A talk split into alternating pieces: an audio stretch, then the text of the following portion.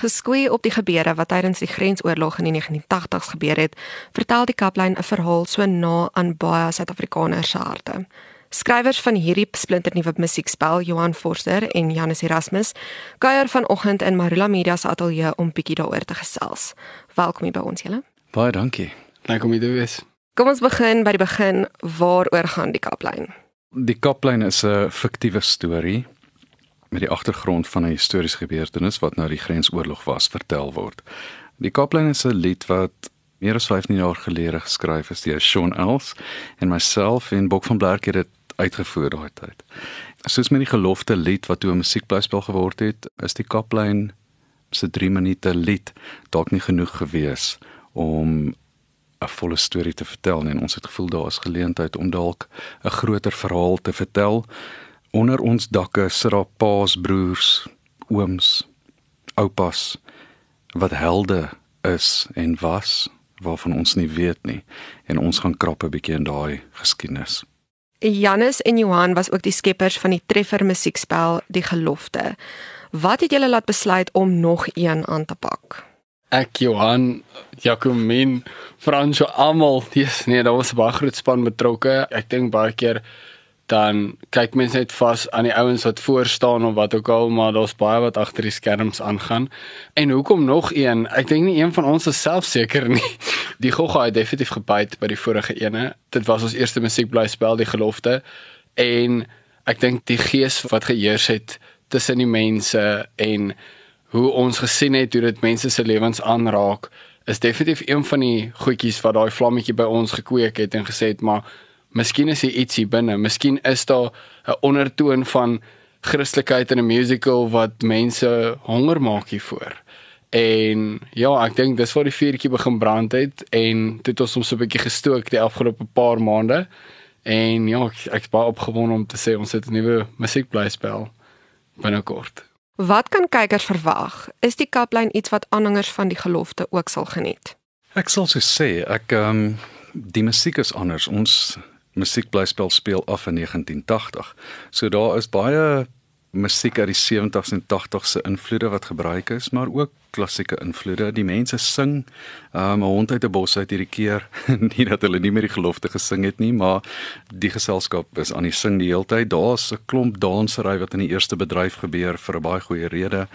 Ons probeer so naas moontlik kom aan wat histories korrek is en ons het baie hulp ingekry in daai verband van 'n klomp topmense en topadviseurs om vir Janus te help, om vir my te help, Jacqueline te help sodat die veterane wat daar gaan sit en hulle families kom saamnooi dat hulle geëer word en um, trots kan voel om daar te wees die aand en dalk as hulle terugry um, huis toe en hulle kinders en kleinkinders vra vir hulle hoe dit was dan kan hulle sê dit was so Ja, ek dink ook dit is vir ons belangrik dat die mense wat daar was verteenwoordig voel as hulle die produksie kom kyk en dat hulle meer heimwee het en dit herleef. En as jy gehou het van die gelofte se musiek, as jy in vertreed, ja, hoe dit werk baie keer is ek kry 'n liedjie van Johan en Jacomien af en as ek nog besig met 'n sien en ek het myself baie gekry waar ek letterlik nie die volgende sien kon skryf nie want die liedjie het vir my so bewoog gehad met die konteks en aggeneem waar ek nou is in die play. So die musiek is amazing en as jy hou van 'n 'n lekker storie wat die hartsnare gaan roer en jou kan bietjie laat lag, dan dink ek hier is definitief die produksie wat jy nie wil mis nie. Met 3 speelvlakke het die gelofte reuse sukses behaal. Wat was die geheim agter daardie sukses en is dit iets wat ons met die kaplyn ook op die verhoog gaan sien?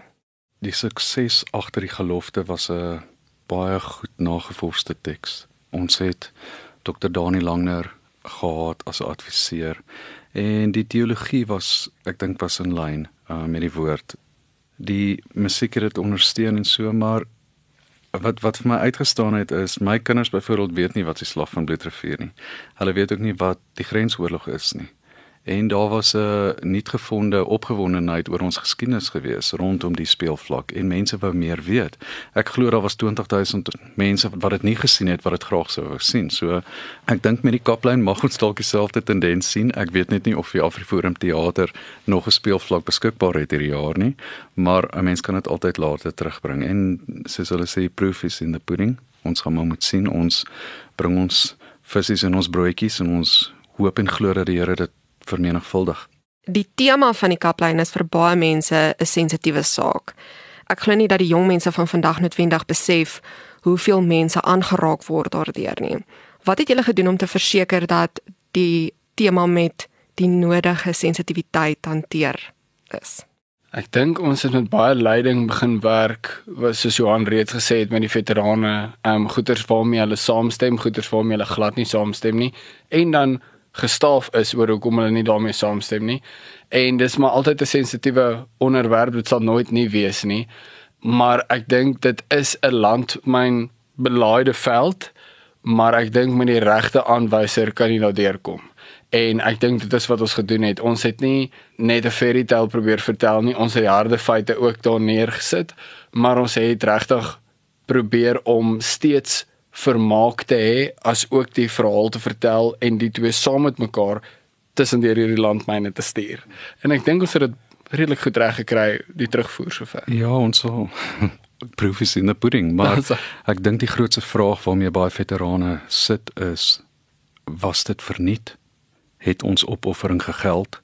En die boodskap wat ons probeer oordra met die musiekblyspel is dat dit nie verniet was nie, dat julle opoffering gegeld het en ons probeer in 'n neete dop net dankie sê.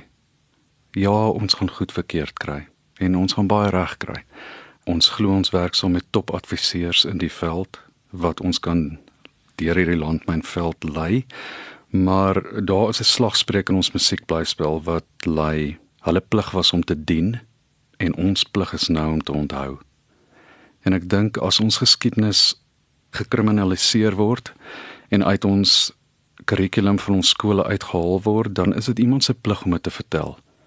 En ons steek die hand op of ons gaan houe vat en of ons gaan foute maak, ons steek die hand op en ons gaan dit anders doen. Janus, jy het met die gelofte by verskeie kenners gaan kuier om die geskiedkundige agtergrond van die gebeure vas te lê en jy het nou so ook bietjie daaroor gesels. Is dit die proses wat jy met die kaplyn ook gevolg het? Definitief. Ek het met die actual parabats wat die veteraan parabats hulle het so een keer 'n maand wat hulle byeenkoms het en toe het hulle almal bymekaar gekom en ek spoor hulle toe op merkwaardig kry ek hier 'n inligtingstukkie en ek bel hulle en ek onthou dit was om Assie de Lange en hy sê toe vir my nee ek moet saam met hom kom. Hy het nou 'n klomp parabats hier bymekaar en ek gaan nou gaan praat en kry hulle toe by 'n plek en hier's nou al hierdie veterane. Maar jy kan voel jy is in mense se teenwoordigheid wat al hulle is groter as die lewe self.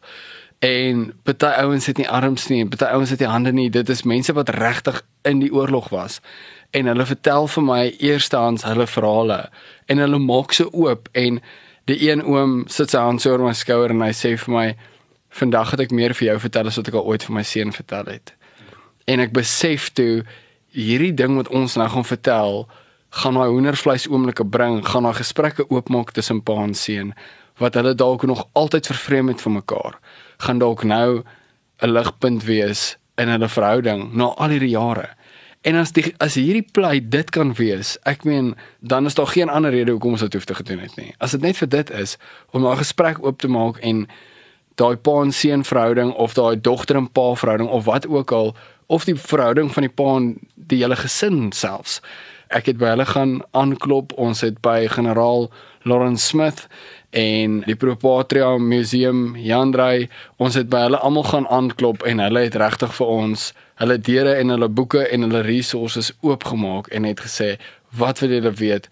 En ons gee vir julle wat ons het tot ons beskikking nê ja ons gee nie voor dat ons enigsins weet hoe dit was. Ons was nie daar nie. Ons was ook nie daar met die slag van Bloedrivier nie maar ons het die verhaal met sensitiwiteit probeer vertel en Janus het baie tyd van met Dr. Dani Langner met die gelofte spandeer om seker te maak dat dit met sensitiwiteit hanteer word. Dieselfde proses word met die kaplyn gevolg. Ja, ons sal nooit weet hoe dit was nie, watter tipe trauma ons soldate moes deurgaan en waarmee hulle steeds vandag sit. Ons het geen idee nie. Maar dalk is 'n gesprek nodig in die verband. Kom ons gesels 'n bietjie oor wie in die blyspel te sien gaan wees. Is daar nuwe talentgesigte wat ons dalk gaan herken uit vorige musiekspele uit? Ek dink ons is soos 'n Springbok breier partykeer. Wat as die World Cup kom dan vat ons so 60% van die vorige World Cup ouens saam. As 'n rede daarvoor, daar's 'n uh, klomp bekende gesigte uit die gelofte wat mense sal herken en dan is daar 'n paar nuwe gesigte. Ons gaan nie altyd vir die grootste name nie, ons gaan vir die regte mense. En ons het met die audisies het ons mense ontmoet weer eens soos wat ons met die gelofte gemaak het. En dan kry jy aanvoeling of die mense in 'n groep en 'n familie gaan kan funksioneer want dit is 'n lang tyd wat mense saam moet werk. En um, ons glo ons het 'n 'n lekker groep mense. Ek is behalwe vir iemand soos Ilan van Storm wat in die gelofte is, hy speel 'n groot rol hierdie keer is ek baie opgewonde oor 'n nuwe laai team met die naam Abel Knobel en hy speel ja, ek wil nie weggee die storie nie, maar hy speel 'n baie baie mooi karakter en ehm um, ja, daar's 'n paar opwindende goed wat gaan gebeur. Wanneer en waar sal die kaplyn te sien wees en waar kan mense kaartjies daarvoor aanskaf? Ek dink ons speel vlak oop in die 26ste April. Dink jy kan jou kaartjie kry by afriforumteater.co.za? Jy kan ook by www.kaplyn.co.za jou kaartjie gaan kry en ons speel in die Afriforum teater. So as jy die gelofte gesien het, is dit basies dieselfde proses wat jy gaan volg om daai te kom. Dit keer net 'n bietjie vinniger. Ons kaartjies verkoop maar gereeld uit.